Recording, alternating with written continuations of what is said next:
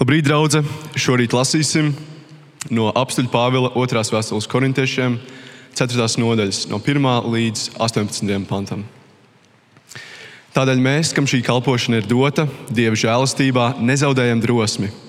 Mēs esam atteikušies no slepeniem kauna darbiem, rīkojamies bez viltus, nesagrozām Dieva vārdu, bet parādām sevi atklātā patiesībā ikviena cilvēka sirdsapziņai Dieva priekšā. Ja arī mūsu evaņģēlijs ir apslēpts, apslēpts, tad tiem, kas iet pazušanā, kuriem šā laikmeta dievs ir darījis aklu neticīgo prātu, ka viņi nespēja saskatīt dieva attēla, Kristus godības evaņģēlijas spožumu. Ne jau mēs sevi sludinām, bet kungu Jēzu Kristu, un mēs esam jūsu kalpi Jēzus dēļ. Jo Dievs, kas sacīs, no tumsas atspīdēs gaisma, ir iespīdējis mūsu sirdīs, lai apgaismotu Dieva godības atzīšanu Jēzus Kristus vaigā. Šis dārgums mūsos ir kā trauslos māla traukos, lai būtu redzams, ka spēka pārpilnība pieder Dievam, nevis nāk no mums pašiem. Mēs visādi tiekam spaidīti, bet neesam salauzti.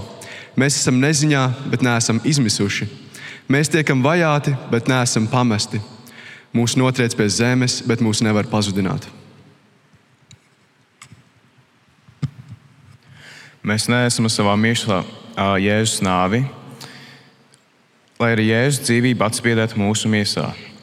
Mēs, kamēr vien dzīvojam, pastāvīgi tiekam nodoti Jēzus, nāvē Jēzus dēļ, lai arī Jēzus dzīvība atspiedētu mūsu mirstīgajā miesā.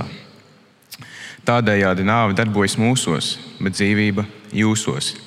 Ir rakstīts, es ticu, tādēļ es runāju. Tādā pašā ticības garā, garā arī mēs ticam, tādēļ mēs runājam. Zinādami, ka Viņš, kas uzmodinājis kungu Jēzu, augšām cels arī mūs līdz ar Jēzu, nostatīs savā priekšā līdz ar jums. Tas viss ir jūsu dēļ, lai žēlastība, kas aug plašumā, snieg, sasniegdama daudzus, vairotu lielāku pateicību Dieva godībai. Tādēļ mēs nezaudējam cerību, kaut arī ārējais cilvēks mūsos iznīkst, iekšējais atjaunojas no dienas dienā. Šā brīža ciešanas kas ir vieglas, mums sagādā par pārējiem lielu godības smagumu mūžībā. Jo mūsu skatiens nav pievērsts redzamajam, bet neredzamajam. Nere, neredzamajam. Redzamais ir tikai uz brīdi, bet neredzamais mūžīgs. Lūksim. Paldies, Dievs, par Tavu dzīvības vārdu. Paldies, ka Tu savu evaņģēliju, savu evaņģēlīju gaismu esi atklājis arī mums, grēciniekiem. Kungs, es tev lūdzu, uh, dod visiem klausītājiem ausis dzirdēt to, ko tu vēlēsies pavēstīt mums šodien. To lūdzu Jēzus Kristus vārdā. Āmen. Sēdiet, lūdzu. Tā nebūs vienmēr. Tā nebūs vienmēr. Tas ir virsraksts, ar ko šodien vēl, vēlos iet cauri ar jums šai nodaļai Pāvila 2. vēstules korintiešiem 4. nodaļā. Tad, ja jums ir Bībele līdzi, turiet to vaļā, iesim cauri, pārdomāsim to. Mēs dzīvē ejam cauri dažādām sezonām. Ir sezonas, nu, kaut vai gada laika ziņā, vasara, rudens, pavasaris, ziema, pilnīgi ne, nesakarīgā secībā pateicu, bet tas nekas.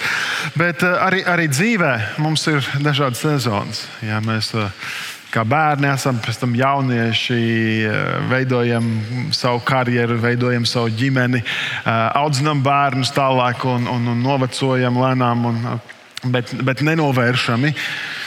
Eh, garīgā ziņā mums ir dažādas sezonas. Aizvadītā svētdienā mēs svinējām kristības. Jauni kristieši iesāka savu ceļu ar Dievu. Viņi apliecināja Jēzu kā savu kungu un glābēju. Viņi apņēmās sekot Jēzum nu, jāsaka, līdzīgi kā kāzās saka, gan labos, gan grūtos laikos, līdz pat uh, nāve mūs šķirs. Bet, uh, jebkamēr vien dzīvosim, līdz skatīsim jēzu, kā dziedājumu vajag vaigā. Bet, uh, Bet mums ir arī dažādas nu, īstermiņa sezonas, kur ir kādi izaicinājumi, kur ir kādas kādreiz, grūtības, kur ir kādi sarežģījumi, vai tas būtu saistībā kaut kur attiecībās, vai, vai karjerā, vai, vai slimībā, bērnu audzināšanā. Reizēm tie ir skaisti brīži, reizēm tie ir izaicinājumi pilni brīži. šī raksturvietā Pāvils mums atgādina to, ka Mums ir dots šis lielais uzdevums sludināt evaņģēliju, būt par gaismu, būt par cerības nesējiem. Pirmā pantā viņš saka, tādēļ mēs, kam šī kalpošana ir dota Dieva žēlastībā, nezaudējam drosmi. Tātad arī kristiešiem, tādiem kā Pāvēlam, var būt šis izaicinājums kādā brīdī, kad tā drosme šķiet ir, jeb duša ir papēžos. Bet viņš saka, ka mēs nezaudējam drosmi. Kāda varētu uzreiz domāt pie sevis, teikt, pagus, ko tas attiecās? Vai tas attiecās uz Pāvilu, uz tādiem nu, līderiem, vadītājiem, piemēram, mācītājiem, garīdzniekiem, draugu dibinātājiem, varbūt uz mūziķiem, kalpotājiem, kas šeit priekšā bija. Bet Pāvils mums nedod tādas, tādu vietu, tā domāt.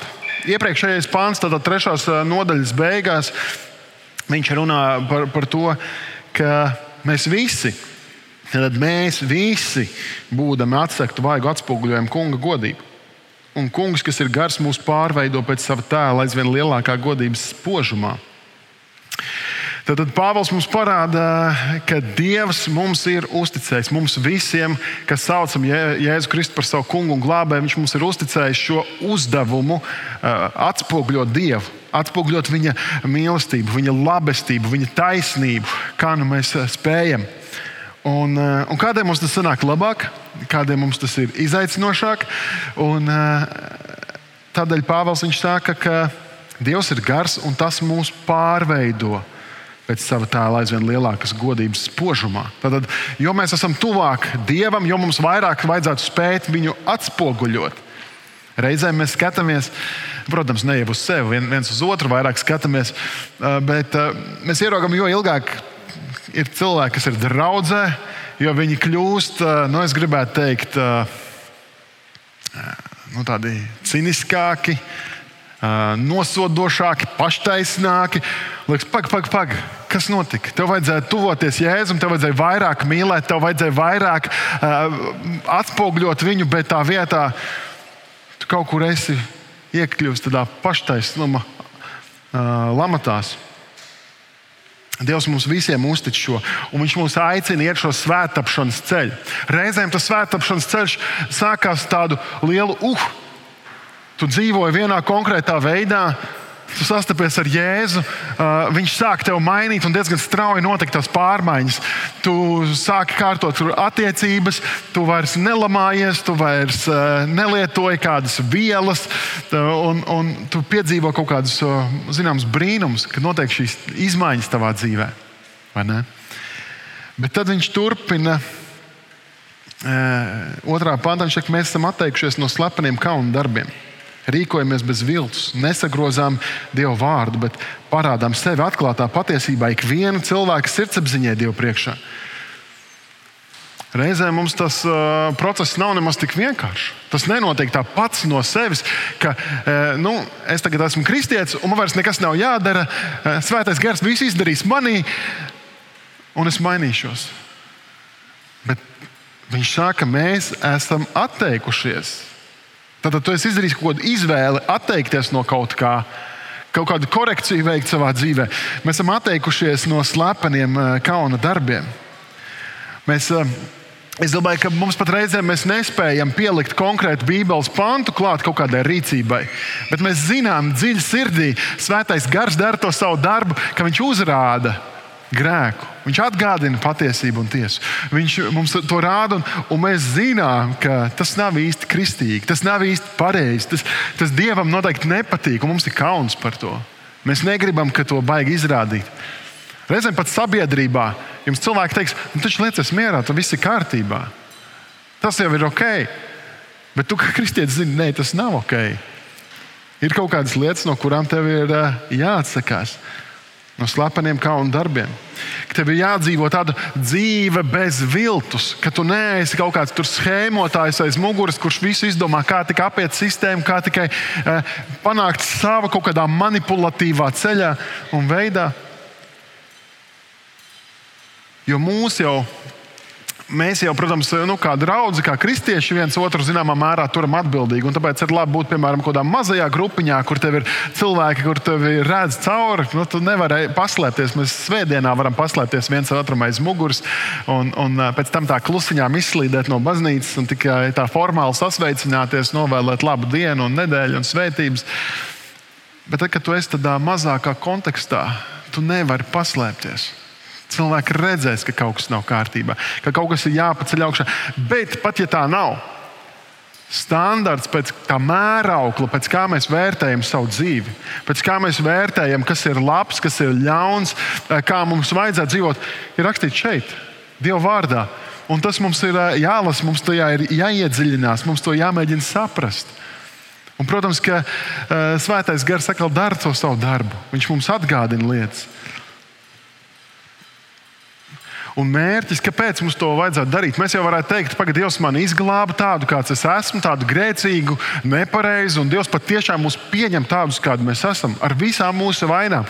Nav nekā tāda, ko Kristus nevarētu samaksāt, ko viņš nebūtu iznesis uz tā krusta, gan nesot, gan saņemot pērienus un sitienus, zaima vārdus pār visam, kad viņš nomira, tika apglabāts un, un beigās augšām cēlās jebkurš grēks, jebkura pārastība, jebkura vaina, tā tur ir samaksāta.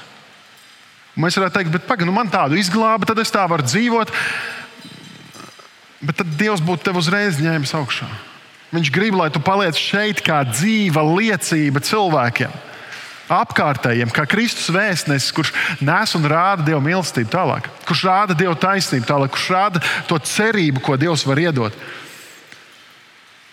Jo tas mērķis ir caur šo atklātību, caur tādu e, ievainojamību, e, svētīt citus un parādīt e, to dieva, dieva godību. Un tad, kad mēs šādi dzīvojam, tad mūsu apkārtējie cilvēki, vai tie būtu mūsu draugi, radi, kaimiņi, darba kolēģi, studiju biedri, viņi jau ierauga, ka tev rūp Viņi ieraudzīja, ka tev ir cita vērtību sistēma, ka tev ir cita vērtību skala. Pat ja tu kaut kur no nu, atspoguļojot dieva taisnību, uzrādi kaut kādu nejēdzību viņa dzīvē, viņš sapratīs, ka tu to dari mīlestībā un būs spējīgs ieklausīties. Un tad mēs visi tā padomājam, vai vienmēr tas tā ir bijis, un saprotam, ka nē, vienmēr tā nav bijis. Un Pāvils jau to mums arī skaidro. Viņš saka, ja arī mūsu evaņģēlijs ir apslēpts, tad tiem tas ir pie nosacījuma. Nevis ka es esmu aizspiedis mutu un neesmu par to runājis, bet es esmu rādījis, es esmu izgaismojis sevi kā tādu ievainojamu cilvēku, reizē rādot dievu taisnību un godību. Bet cilvēks to neuzņem. Viņš saka, ja mūsu evanģēlijs šādā veidā ir apslēpts, tad tas ir tiem, kas iet pazušanā, kuriem šā laikmeta dievs ir darījis aklu viņu neticīgo prātu ka viņi nespēja saskatīt Dieva attēlu, Kristus godības evaņģēlijas spožumu. Vecajā tulkojumā rakstīts, apstulbojas neticīgo sirdi. Tā ka tu nespēji vienkārši aptvert to Dieva labestību. Un, un mums ir šādi cilvēki, domāju, ar kuriem mēs esam runājuši, kuriem mēs esam rādījuši uh, Dievu, mēģinājuši skaidrot par viņa mīlestību, mēģinājuši skaidrot, ka tā, ir, uh, ka tā nav kaut kāda veca, sena leģenda par Jēzu, bet tas ir vēsturiski uzticams avots. Uh, ka, ka Dieva plāns un tas dzīvesveids, ko viņš piedāvā, ir labākais iespējamais cilvēka dzīvē. Un tomēr viņam liekas, viņš, viņam sirds ir apstulbota. Viņam acis, prāta acis ir aizdarītas. Kas ir tā laikmeta Dievs? Kas ir, laika, kas, kas ir tas, ko mēs liekam Dieva vietā? Mēs runāsim ar daudziem cilvēkiem, viņi teiks, vai nu nekāda jau Dieva nav, vai arī, jā, jā, es ticu, bet tā dzīve neiet kopā ar to ticību, tad, tad tur ir kaut, kāda, kaut kāds pārrāvums. Bet mēs redzam, ka nu, varētu minēt, nu, nauda ir tā, tas dievs, pēc kā mēs dzenamies, ko mēs pagodinam. Bet nauda pārsvarā ir vairāk tāds līdzeklis, ar ko mēs cenšamies iegūt statusu, varu, lietas kaut kādas. Mēs dzenamies pēc kā pēc mīlestības un to liekam kā tādu augstāko dievu un tad visu pakārtojam tam. Bet, bet dievā ir apkopota gan mīlestība, gan taisnība. Gan žēlstība, gan taisnība. Tas ir viens veselums. Tu nevari atraut vienu no otra. Reizēm mēs pasaulē redzam, kā Dieva liek panākumus, karjeru, un viss tam ir pakārtots. Un tajā brīdī, kad tu runā ar cilvēku, kuram ir šis laikmeta dievs, kur varbūt viņš pats ir sevi ielicis tādā dieva lomā, un to nastu mēģina vilkt, un, un nevienmēr tas labi izdodas, jo tā nasta ir par smagu cilvēkam to nest. Tad tu redzi, ka tu pretī dabū argumentus, uh, kur, nu, piemēram, ja tu sāksi mīlestībā uzrādīt, nu, lietas runās par. Uh, LGBT kopienas kaut kādām neloģiskām lietām, kur mēs skaidri redzam, ko Dieva vārds skaidri pasaka, kā ir jāveido ģimene. Kā, kā eh, ģimene ir starp vīrieti un sievieti, un ka tā ir pareizā vei, vieta un veids un modelis, kā cilvēki var piedzīvot svētību savā dzīvē. Kad tu sāksi par šo runāt, tu saņemsi pretestību. Tad tev kā teiks, nē, mīlestība ir mīlestība, liecies mierā. Tu, tu saņemsi kaut kādus pārmetumus, taču es taču nelēmu tavā guļamistabā, vai viņi taču nelēma tavā guļamistabā. Un tu varēsi teikt, jā, viņi nelēma manā guļamistabā, bet es jau tev vēlu labu, es tev gribu parādīt, kāds ir svētības ceļš, ko Dieva vārds par to saka. Mēs varbūt šeit, Latvijā, tā mazāk to saskaramies, bet jau saskaramies rietumu rietum pasaulē, vairāk Amerikā. Man liekas, pavisam tur viņi ir aptrakuši ar, ar šo genderismu lietu, ar, ar trans šo, šo dzimumu maiņas operācijām un procesiem, ka jaunietis, bērns pat jāsaka, viņš pat uz jauniešu nometni varbūt kādu neņemt vēl. Bet viņš jau var uzsākt šo ceļu, lai, lai mainītu savu dzimumu. Un tagad ir kādas tiesas prāvas, kur viņi pēc pieciem, septiņiem gadiem saka, Klau, kas, kas, kas jums galvā darījās, ka jūs man atļāvāt mazam bērnam to darīt? Un, un tu sāc šos tēmas celt augšā. Tu saki, nē, Dievs nekļūdās. Ja Viņš tev radīja kā sievieti, tad tev ir jābūt sievietei. Ja Viņš tev radīja kā vīrieti, tad tev ir jābūt kā vīrietim. Un tas nenozīmē, ka visi vīrieši būs vienādi. Būs sievišķīgi vīrieši, kur mazliet nodarbojas, nezinu, tur, tur veidos karjeru un, un, un attīstīsies mazliet atšķirīgi. Viņš nebūs tur bodybuilders vai vēl kaut kas. Vai sieviete, kura būs vairāk puiciska dāma, kurai, kurai patiks tās lietas. Bet tas nenozīmē, ka Dievs viņu ir radījis nepareizajā ķermenī. Un tagad, tu šo sāc runāt un sāc par to, to, to iestāties par to kārtību, kā Dieva vārds to ir paredzējis, tu saņem pretestību, tu saņem apsūdzības, tu saņem uh, kaut kādas nievas vai, vai, vai uzbrukumus. Un kristieši šobrīd ir vieni no retajiem, kas rietumu kultūrā par šo spēju runāt. Tāpēc, ka viņi apzinās, ka viņiem ir kaut kāds morāls un ētikas standarts, kas ir rakstīts Dieva vārdā, kas, kas nenāk no šī laika. Tas pastāv pāri dažādiem laikiem, pāri dažādām sezonām un laikmetiem. Un mēs jau tad, kad mēs runājam par šīm lietām, mēs jau neienīstam to cilvēku. Mēs jau viņam nevēlam ļaunu, mēs jau viņam tieši otrādi pēc savas sapratnes, pēc Dieva vārda un uzticoties tam, kas tur ir rakstīts, mēs viņam vēlam to labāko. Mēs viņam mēģinām izskaidrot, kāds ir Dieva plāns viņa dzīvē. Bet, ja šī sirds ir apstulbota, tad ir ļoti grūti to atkal padarīt eh, dzirdīgu, saprātīgu. Un skaidrs ir arī tas, ka mums jau caur, tādiem, caur tādām debatēm, nezinu, publiskākām vai privātākām sarunām, mērķis nav parādīt, ka es esmu beigas varens, ka es protu argumentēt labāk nekā tu, kaut kā garīgi manipulēt ar to otru. Pāvils ļoti skaidri viņš saka, ne jau sevi mēs sludinām, bet kungu Jēzu Kristu. Un mēs esam jūsu kalpi Jēzus dēļ. Ne jau mums pašmērķis ir kaut ko strīdēties, un tā vieglāk būtu aizvērt durvis, nesarunāties.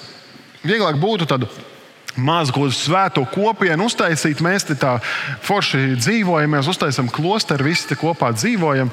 Ir, eh, ir, ir viss labi. Iet tādu, nu, tā kā Amiši vai ne Amerikā. Viņi noslēdzās no laikmeta, izveido kopienu, mēs te turēsim svētumu šeit. Viņi visi lai iet pazušanā, mums vienalga par viņiem. Bet tas nav tas, ko Jēzus mums piedāvā. Jēzus mums aicina, lai mēs esam gaisma, lai mēs esam tā, tā gaisma kalnā, ka mēs runājam, ka mēs parādām, ka mēs svētījam. Un, godīgi sakot, skatoties, eh, daudzi jau man apkārt draugi skatos un klausos, ka viņi vairs nu, ziņas neklausās, eh, neskatās, nelasa, jo vienkārši liekas, tas ir tāds sviests kas notiek. Mēs vakar braucām ar, ar Elīnu mašīnā. Man, tur apaļā stunda tieši griežās. Es uzslēdzu radio, lai dzirdētu ziņas. Un klausos, no nu, pirmā ziņa, normāla, otrā un trešā ziņa. Elīna saka, vai tiešām tās ir svarīgākās ziņas Latvijai, kas ir jāpavēsta? Kaut kāda pilnīgi liekas, nu, nu, tāda propaganda liekas, nu, pilnīgi auzās šaujama. Kaut kāda pilnīgi vērtības, neloģiskas mums tiek sludinātas, kā otrā un trešā svarīgākā ziņa. Un tad mēs uh, skatāmies, domājam, pak, bet, bet tas laiks, kurā mēs esam, šķiet pilnīgi acīm redzami, paliek samaitātāks, drūmāks, sašķeltāks, tumšāks. Bet Dieva vārds saka, ja, ja Dievs pats saka, no tumsas atspīdēs gaisma. Tas ir iespīdējis mūsu sirdī, lai apgaismotu Dieva godības atzīšanu Jēzus Kristus vaigā. Tad, tad pirmkārt man jāapskatās pašam uz sevi, kur Dievs man izglāba.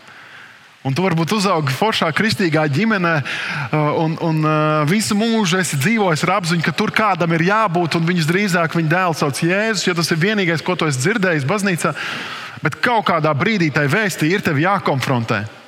Ka pat ja tu esi uzaugusi baznīcas mūros bez mazvai, un tai tradīcijā arī tev ir iekšā tas grēcīgais, arī tevī mājo tas ļaunais, kas tev jānožēlo, no kā tev jānovēršas.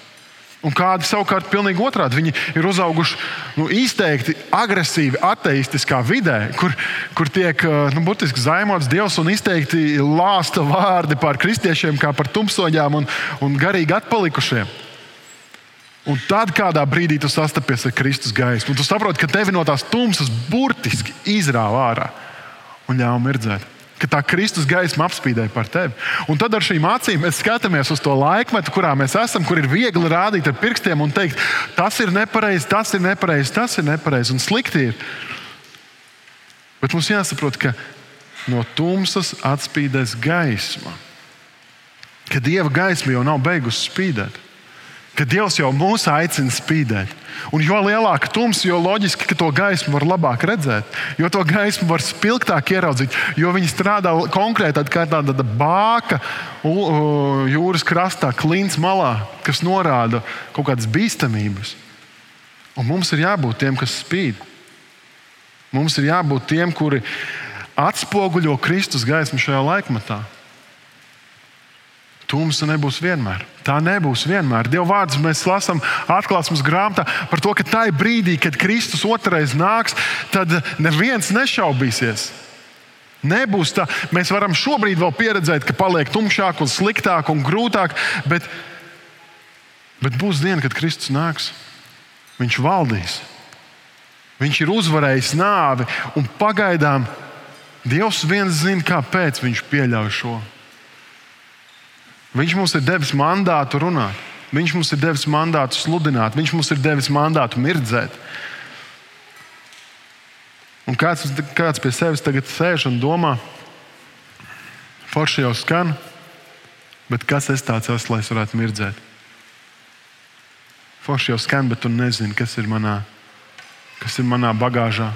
Forši jau skan, bet tu nezini, kas notiek manā sirdī vai prātā kas notiek manā dzīvē, ko es esmu izdarījis, ko es esmu, ko es esmu sarunājis, ko es esmu novēlējis.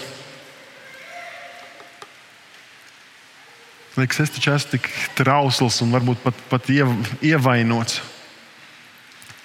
Pāvils saka, šī vēsts par Jēzu, šis Dieva pārpasaulīgais glābšanas plāns un misija, šis dārgums mūsos ir kā trauslos māla traukos lai būtu redzams, ka spēka pārpilnība pieder Dievam, nevis nāk no mums pašiem. Tas, ka tu esi salauzts, tas, ka tu esi trausls, ka tu esi ievainojams, tas tikai vēl vairāk parāda to, ka Dievs ir labs, ka Viņš ir spēcīgs un varants, ka Viņš tevi grib lietot un, un nest svētību caur tevi. Un reizēm jau vairāk ievainots cilvēks, jo viņš vairāk spēj svētīt jo vairāk viņš ir gājis cauri sāpēm, jo vairāk viņš var svētīt. Tāpēc, ka viņš zina, kā ir būt tur. Viņš zina, kā ir, kad sāp. Viņš zina, kā ir, kad tu zaudē tuvos. Cilvēcīgi mēs esam trausli, bet Dievs turpina mūs lietot. Ir kāds uh, stāsts, es nezinu, vai tā ir leģenda vai balstīts uz patiesu stāstu par kādu japāņu karotāju, kuram bija mīļš trauks, nu, tāda, tāds kā teikaniņa, ar ko viņš varēja ieliet bļodiņā savu, savu tēju un padzerties. Un viņš viņu saplēs nejauši. Kaut kā tur tas viss notika, ka viņam viņa saplīs. Un viņš iedeva kādam, lai viņi tā kā savada kārtībā, viņi tur tika kaut kā sastiprināta, bet nu, īsti funkcionāli tas nebija. Bet viņam tik mīļš tas trauks bija, ka viņš aizgāja pie meistarīgākā kāda, kāda darboņa meistara, viņš teica, Klaun, izdomā kaut ko. Tas man mīļš, svarīgs trauks. Un šis meistars bija paņēmis tādu sveķainu laku un sajauc to ar zeltu, ar zelta kādiem putekļiem un uztaisīja tādu zeltainu masu. Kā līmi. Un viņš šīs detaļas tam traukam uh, noklāja ar šo zeltaino masu un salīmēja kopā. Un beigās uh, izveidojās tāds trauks, kuram pa visām tām plīsuma šķautnēm un vietām nāca ārā zeltainas līnijas. Un, un tagad tā ir konkrēta uh, nu, tehnika, kā tiek. Restaurēti trauki, un jo vairāk tur ir tās lūzuma līnijas, jo vairāk tur ir tā zelta. Jo vairāk tur ir tās sāpes bijušas un plīsuma vietas bijušas, jo tas, jo tas rokdarbs beigās ir vērtīgāks. Un, un reizēm arī tavā un manā dzīvē mums ir kādas lūzuma līnijas, kur mēs liekam, šito var, mani var izmest miskastē. Es esmu nekam nederīgs, es esmu pilnīgi nelietojams. Bet Dievs ir Dievs, kurš atjauno, Dievs ir Dievs, kurš, kurš paceļ, kurš salauz to paceļ un, un dziedina. Un beigās tās tavas rētas, tās tavas līnijas, viņa no viņiem burtiski plūst ārā tās zeltainais skaistums, kas nenāk no tevis. Tur ir pieskāries tavs meistars, tur ir pieskāries tavs dievs un tevi dziedinājis. Un tad tu vari teikt, tāds es esmu. Tu vari tikai norādīt uz to, ka es pats no sevis to nevarēju izdarīt. Šis dārgums mūsos ir kā trauslos māla traukos. Es esmu trausls, to es trausls. Mēs to labāk vai mākam nomaskēt, vai ne tik labi, bet cilvēcīgi. Mēs kaut kādu brīdi varam saņemties un turēties. Bet tad ir kaut kāds brīdis, kad notiek tāds sitiens, kad cilvēcīgi tu sabrūc. Un tev ir vajadzīgs glābējs. Un, ja tev ir glābējs, ja tev ir šis meistars, kurš tevi ir atjaunojis, tad tu redzi, ka caur tavu dzīvi, caur tavām sāpēm, caur tavām eh, grūtībām un ielām, kam tu esi gājis cauri, Dieva godība var parādīties. Tu vari svētīt daudzkārt spēcīgāk. Tu vari dot to roku. Kā mācītājs Rīgas Vorens teica, viņš teica, neiznieko tās sāpes, kurām tu esi gājis cauri, neizliecies, ka tās tur nav kāds cits iet līdzīgam uh, izaicinājumam cauri, un tu vari līdzdalīt tās sāpes. Šis dārgums mūsos ir kā trauslos māla traukos, lai būtu redzams, ka spēka pārpilnība pieder Dievam, nevis nāk no mums pašiem. Tā sezona, kurai tu ej cauri, tā ir tikai sezona. Reizēm tās, tās lūzuma vietas ir tik lielas, ka tur var diezgan ātri salīmēt. Reizēm tur liekas, tur neko vairs nevar izdarīt. Bet Dievs spēja. Un tad, kad mēs to atzīstam, ka mēs ieraugam to savu trauslumu un dievu varenību, kad mēs sakārtojam šos, šo pamatu, uz kā mēs stāvam, tad tas, ko Pāvils saka, mēs visādi tiekam spaidīti, bet neesam salauzti. Mēs esam neziņā, bet neesam izmisuši. Mēs tiekam vajāti, bet neesam pamesti. Mūs notriec pie zemes, bet mūs nevar pazudināt.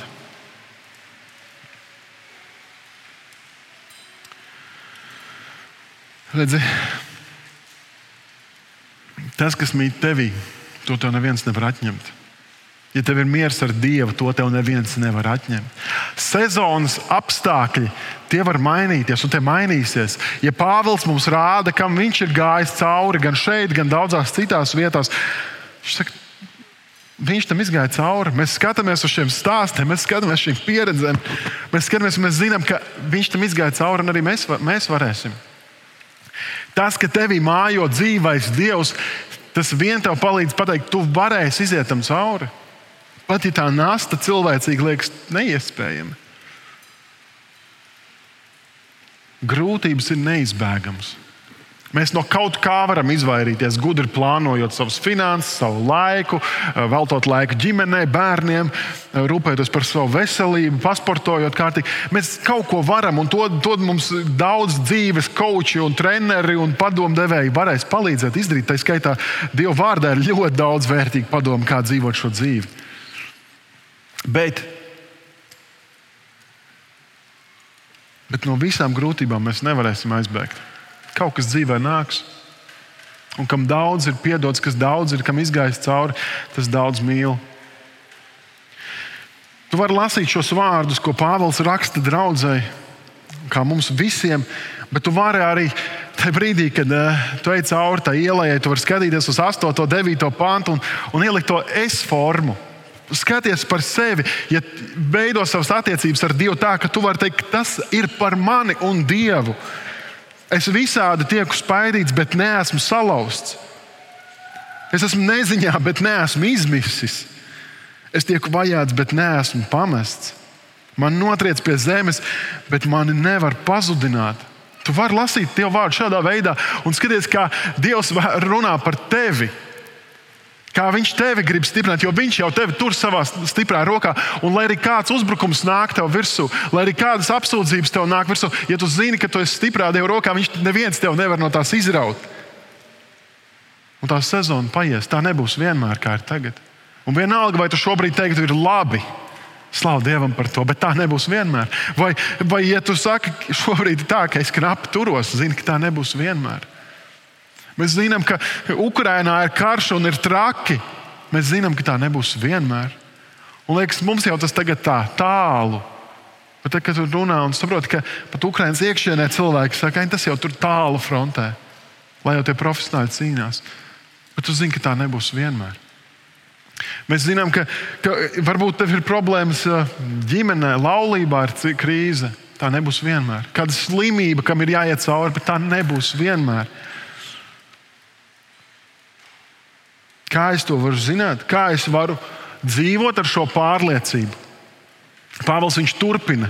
Viņš saka, mēs nesam savā miesā Jēzus nāvi, lai arī Jēzus dzīvība atspīdētu mūsu miesā. Mēs uh, līdz ar Kristu esam miruši un līdz ar Kristu esam augšām celt jaunai dzīvei. Mēs kristībā aizvadītās svētdienā to svinot, runājām un, un svinējām par to, ka tu nomirsti līdz ar Kristu. Šis cilvēks tiek pagremdēts burtiski kā kapā un augšām ceļās jaunai dzīvei. Un viņš var sākt jaunu dzīvi, un lai arī kas būtu tajā pagātnē, līdz ar Kristu tas ir piedots, tas ir noņemts malā. Un kādreiz tu skaties uz sevi un domā, nu, tas bija labi, ka toreiz man piedeva, bet kas ir tagad? Kas ir tagad? Bet Bet Pāvils viņš saka, 11. pantā, viņš saka, mēs kamēr vien dzīvojam, pastāvīgi tiekam nodot nāvē Jēzus dēļ, lai arī Jēzus dzīvība atspīdētu mūsu mirstīgajā miesā. Tad, tad katru dienu kaut vai tas ir vajadzīgs nomirst savai vecai dzīvei un augšām celties līdz ar Jēzu jaunai. Viņa dzīvība parādās tevī. Tu vari dzīvot tālāk ar mieru, ar pārpilnību, ar, ar, ar pārliecību. Un tādējādi nāve darbojas mūsos, bet dzīvība jūsos. Un tad es esmu gatavs arī nomirt sev, lai kāds cits varētu iegūt, lai kāds cits varētu dzīvot, lai kāds cits varētu saņemt svētību. Es nedomāju, ka Dievs daudziem no mums prasīs fiziski nomirt kāda cita labā, bet garīgi mums vienmēr gribas izcīnīt to taisnību. It kā mēs pareizās atbildes zinām, ka žēlastība ir pāri visam. Bet tāpat tā sāncensība, konkurence, vienmēr mūs izaicina, ka gribās, gribas pierādīt, ka man bija taisnība. Reizēm vienkārši vajag nomirt sev, lai otrs varētu dzīvot, lai viņš var saņemt svētību.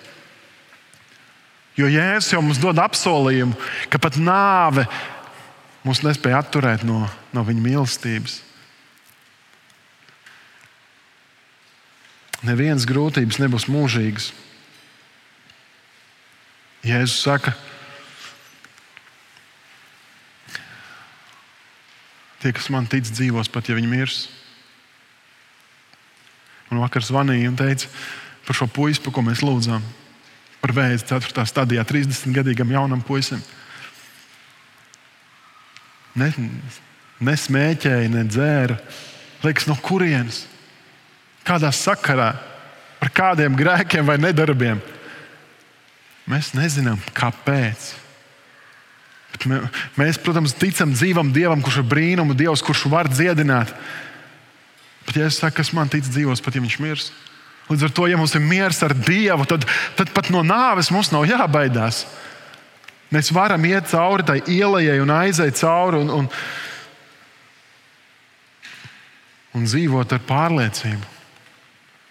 Un tāpēc mēs arī lūdzam, protams, lai viņš tiek dziedināts. Mēs gribam, lai viņš, lai viņ, viņš ir kā staigājoša liecība Dieva brīnuma darbiem. Bet pāri visam mēs lūdzam par to, lai viņš iepazīst Jēzu kā savu kungu un glābēju. Un tad, kad tu esi piedzīvojis šo dzīvību, kad tu esi no šīs savas tumsas izrauts, tad, tad tu, kā, viņš, kā Pāvils raksta, ir rakstīts, es ticu, tādēļ es runāju, un tādā pašā ticības garā arī mēs ticam, tādēļ runājam. Ir teiciens, ka ļaunums iet plašumā, tāpēc ka labi cilvēki klusē. Mēs varētu teikt, tumsa iet plašumā, tāpēc ka kristieši klusē. Ka mēs kādreiz nu, kaut kā sakaunējāmies. Kaut kā nebija pārliecība, kā to pateikt vispareizāk. Kaut kā likās, ai, nu, ko es tur kašķēšos? Ko es tur ar savu taisnību iešu? Nu, protams, ka mēs tā domājam. Es tā bieži vien sev pieķeru pie, ai, taču lai viņi cīnās. Gan jau, gan jau viss būs labi. Bet kāpēc? Kāpēc? Ja, ja es ticu, tad es runāju. Ja es zinu labāku veidu, kā dzīvot, tad es runāju. Ja es pazīstu dzīvo Dievu, kurš dod cerību, kurš dod jēgu un piepildīt, tad es runāju. Neklusē par savu ticību, neklusē par netaisnību, ko tu redzi, iestājies. Mēs lasījām ziņās, es nezinu, vai jūs Krīgā, tur pie Vērmans dārza, jauna meitene tika piekauta. Labi, vai tur bija kāda atsliecinieka vai nē, tur policija viņus meklēja. Vai tur bija kāda provokācija vai nē, mēs nezinām. Lai policija strādā. Bet, bet ja tur bija atsliecinieki, tad kāpēc klusē, kāpēc neiestājies? Internetā klejoja video, kur Francijā šis vīrietis ar nāzi pa bērnu laukumu gāja un uzbruka cilvēkiem. Apkārt skrējēji, vienkārši skrien noskatās, es tur negribu būt, tur ir problēmas. Kamēr kādu bērnu tur noguļ, nodur vai mazu vai māte ar bērnu. Es negribu, es negribu tajās problēmās līst. Tās nav manas problēmas. Pat tiešām mums būtu vieglāk aizvērt baznīcas durvis teikt, tā lai viņi iet. Mums nekas no viņiem nav vajadzīgs. Tās nav mūsu problēmas. Mēs esam svēti, izglābti, brīnišķīgi. Jā, līdz kaut kādam brīdim, kad tas skar mūs pašus, bet Dievs jau mūs patur šeit, lai mēs būtu tā gaisma lai mēs būtu tie cerības nesēji. Neklusē par Jēzu. Mēs sludinām Kristu krustos. Tas nav tikai tāds skaists frāzējums no vēstules korintiešiem. Nē, tam ir jābūt tādai misijas apzīmējumam mūsu sirdī. Mēs visi, ne tikai šeit mācītājs, vai tur mācītājs, vai tur mūziķis, mēs visi, kā draugi, mēs caur savu dzīvi sludinām Kristu krustā sisto. Un redzi, tev tas nav jādara vienam pašam. Viens ir, ka mēs kā draugi esam, bet otrs ir tas, ka pats Dievs ir ar tevi. Zinādami, ka Viņš, tad Dievs, kas uzmodinājis kungu Jēzu, augšām cels arī mūs līdz ar Jēzu un nostatīs savā priekšā līdz ar jums. Mēs, es un tu, mēs tiksim nostatīti Dievu priekšā, un mums būs jāatbild gan par saviem darbiem, nedarbiem, mums būs jāatbild par savām attiecībām ar Dievu. Bet arī šeit, virs zemes, mēs varam iet un darboties, jo pats Dievs ir ar mums. Tam nav jābūt kaut kādās bailēs balstītam vai kaut kādā, kaut kādā citā jocīgā motivācijā, bet mums jābūt pārliecībai, ka mums ir Tēvs debesīs, kurš par mums rūpējas. Un tad, ja mēs runājam, ja mēs neklusējam, tad mēs arī piedzīvosim brīnumus. Forši ir lasīt internetā vai dzirdēt tālus stāstus par Dieva brīnumu darbiem, vai kā, kā ģimene atgriezās, vai kā kāda žēlastība tika parādīta. Bet šeit, šeit Pāvils raksta, tas viss ir jūsu dēļ, lai žēlastība, kas aug plašumā, sasniegdama daudzus, vairot lielāku pateicību Dieva godībai. Žēlastība, kas aug plašumā, tad aizsniedz ar vien vairāk cilvēkus. Sniegdama, sasniegdama daudzus, vairot lielāku pateicību Dieva godībai. Mēs pagājušajā svētdienā sitām plaukus, dziedājām dziesmas, svinējām, priecājāmies par tiem, kas kristījās, par tiem, kuri deva savu dzīvi Jēzum. Mēs lasām apakstuļu darbos, pirmā draudzene, dienas viņiem Kristus pieveda jaunus izglābtos. Cik skaisti būtu tas, ja mēs katru svētdienu varētu vērt šeit baseinu vaļā un kristīt. Mēs varētu svinēt, bet lai tas notiktu, protams, caur YouTube mēs varam aizsniegt daudzus cilvēkus, bet mēs varam aiziet pie daudziem. Mēs varam viņus uzrunāt, mēs varam viņiem rādīt jēzu, mēs varam rādīt viņiem mīlestību. Un tas var, vairo pateicību. Ja mēs redzam, kā šī žēlstība iet plašumā, tas rada mūsu prieku, gandarījumu, un mēs varam svinēt to. Protams, Bībelē mums māca arī raudāt ar tiem, kur raud. Ja kāds ietai tai sēru un nāves ielai cauri, mums ir jābūt līdzās. Nevis saka, oh, svinēsim to, bet mums ir jāraud ar viņu. Mums jāparāda līdzjūtība. Nevienmēr vajag gudrus padomus, vienmēr reizēm vajag vienkārši būt kopā, uzlikt roku, aizlūgt, būt līdzās. Bet tad, kad iet plašumā žēlastība, nevis teikt, e, viņš tur tā ne tā pateica vai izdarīja vai kaut ko, bet, bet svinēt, priecāties. Noslēgumā no 16. panta līdz beigām tur Pāvils raksta, tādēļ mēs nezaudējam cerību. Kaut arī ārējais cilvēks mūsos iznīkst, iekšējais atjaunojas no dienas dienā. Šā brīža ciešanas, kas ir vieglas, mums sagādā pār pārējiem lielu godības smagumu mūžībā. Jo mūsu skatiens nav pievērsts redzamajam, bet neredzamajam. Redzamais ir tikai uz brīdi, bet neredzamais ir mūžīgs. Tad, tad Tas pēdējās lietas ir, eh, pirmkārt, ko vieglāk pateikt, bet izdarīt neatmet cerību, nezaudēt cerību. Protams, ir viegli teikt, viss būs labi. Izņemot tajā brīdī, kad tu pats esi tajā ielā. Bet nezaudē cerību. Ārējais cilvēks mūsos iznīkst, vecums pienāks, mugurbišķiņš sāpēs, celīts arī. Tas ir, ir daļa no novecošanas, bet tavs iekšējais cilvēks, garīgais cilvēks, tas var tikt atjaunots katru dienu. Tu vari piedzīvot šo skaistumu, ka tavs prāts un, un sirds ir jauna, ka tu joprojām mīli, ka tu joprojām dedz par jēzu, ka tu joprojām dedz par to cerību, par, par to, ko viņš tev dāvā. Un, un šīs ciešanas, kas mūsu dzīvē ir, šī brīža ciešanas, kas ir vieglas, mums sagādā pār pārējiem lielu godības smagumu mūžībā. Nebaidies, ka tās ciešanas paliks nepamanītas. Dievs jau to redz. Dievs redz, kam tev ir jāiet cauri. Dievs redz tās, tās lūkšanas, kur tu lūdz dedzīgi līdz asarām. Man liekas, kur ir risinājums? Viņš redz tos zaimu vārdus, viņš redz, kur tev kāds ir apsūdzējis nepatiesi. Viņš sagādā mums pār pārējiem lielu godības smagumu mūžībā. Jēzus saka, krājiet mānu debesīs. Citreiz cilvēks saka, nekas tu krāji ar savu kalpošanu vai darbošanos lielu kroni sev debesīs. Un kā nu tur būs, vai būs kroņi vai nebūs kroņi, tas patiesībā ir maz svarīgi. Svarīgais ir tas, ka, tas, ka mēs zinām, ka Dievs to visu redz, un Viņš ir taisnīgs Dievs. Tas nozīmē, ka mums nav jāatriebj ka mēs varam iziet tām ielām cauri. Mēs varam iziet tām, tām ciešanām cauri, apzinoties, ka balva būs, ka gandarījums būs, ka svinības būs un taisnība arī. Jo, no mū, jo mūsu skatiens nav pievērsts redzamajam, bet neredzamajam. Redzamais ir tikai uz brīdi, bet neredzamais mūžīgs 18. pantā. Baigi viegli ir iekļūt, pat neapzināti iekāpt tajā sacensību garā ar citiem, ka mēs tagad mērīsimies, kam ir lielāk, vairāk, spēcīgāk, dārgāk vai lētāk, tieši otrādi. Nu, mēs to izmērāmo, redzamo sākam mērīt, un tas mums kļūst svarīgs.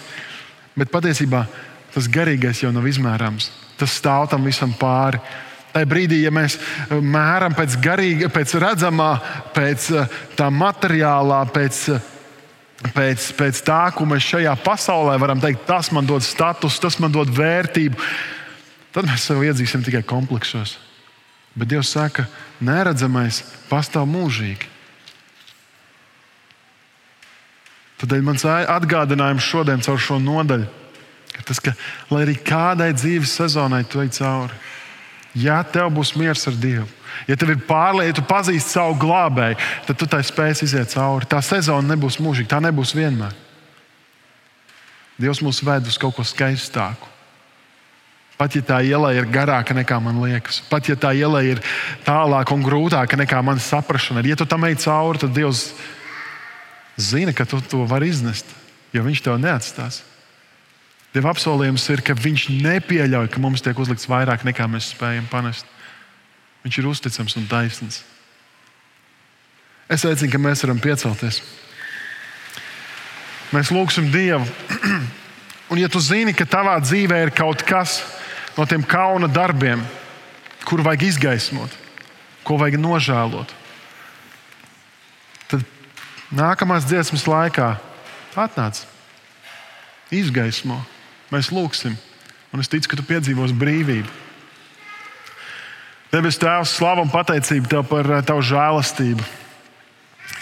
Paldies Tev par to, ka tā apklāja visus mūsu grēkus ka tā apklāja visus manus grēkus. Piedod par tām reizēm, un laikiem un vietām, kur mēs esam darījuši to, kas tev netīk, esam teikuši to, kas tev netīk, esam ļāvušies domām, kuras tev nepatīk. Paldies tev par to, ka Jēzus samaksāja par to, ka tu to piedod un nepiemini vairāk. Kungs, tu redzi tās dzīves sezonas, kam mēs katrs ejam cauri. Tu redzi tos, kuriem ir šobrīd labi un viegli un ir uh, skaista sezona. Slāva un pateicība tev par to. Dod gudrību uz to vienu sezonu, nebūvēt savu ticību. Kungs, tu redzi tos, kam ir izaicinājuma sezona. Tu redzi tās veselības izaicinājumus, kur ir vajadzīgs tavs pieskāriens un dziedināšana. Tu redzi tās attiecības, kur ir krīzes, kur ir vajadzīgs kur ir vajadzīgs tavs, tavs pieskāriens un dziedināšana. Kungs, tu redzi tos bērnus, kuri, kuri dzīvo tevi, tevi nebīdamies, tevi nesakojot, kur ir tik daudz sirds dēsti, kur ir tik daudz lūgšanas izteiktas. Man liekas, ka nav rezultātu. Kungs, es lūdzu, ka tu dod savu mieru ka tu vairo mūsos paļāvību. Tu redzi, ka mēs cilvēcīgi esam trausli. Paldies par to, ka tavs spēks ir daudzkārt lielāks nekā mēs. Paldies, ka mūsu nespējā tavs spēks varens parādās. Mēs tavā priekšā esam vāji. Nāc un parādi savu spēku pie mums, caur mums, katru individuāli caur mums kā draugu, lai mēs varam piedzīvot to brīnumu, ka šeit Rīgā, Latvijā tik daudz, jo daudz iepazīst tevi un atdod savu dzīvi tev. Svētī un sārgi mūs.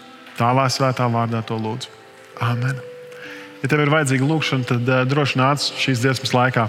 Es par tevi labprāt lūkšu.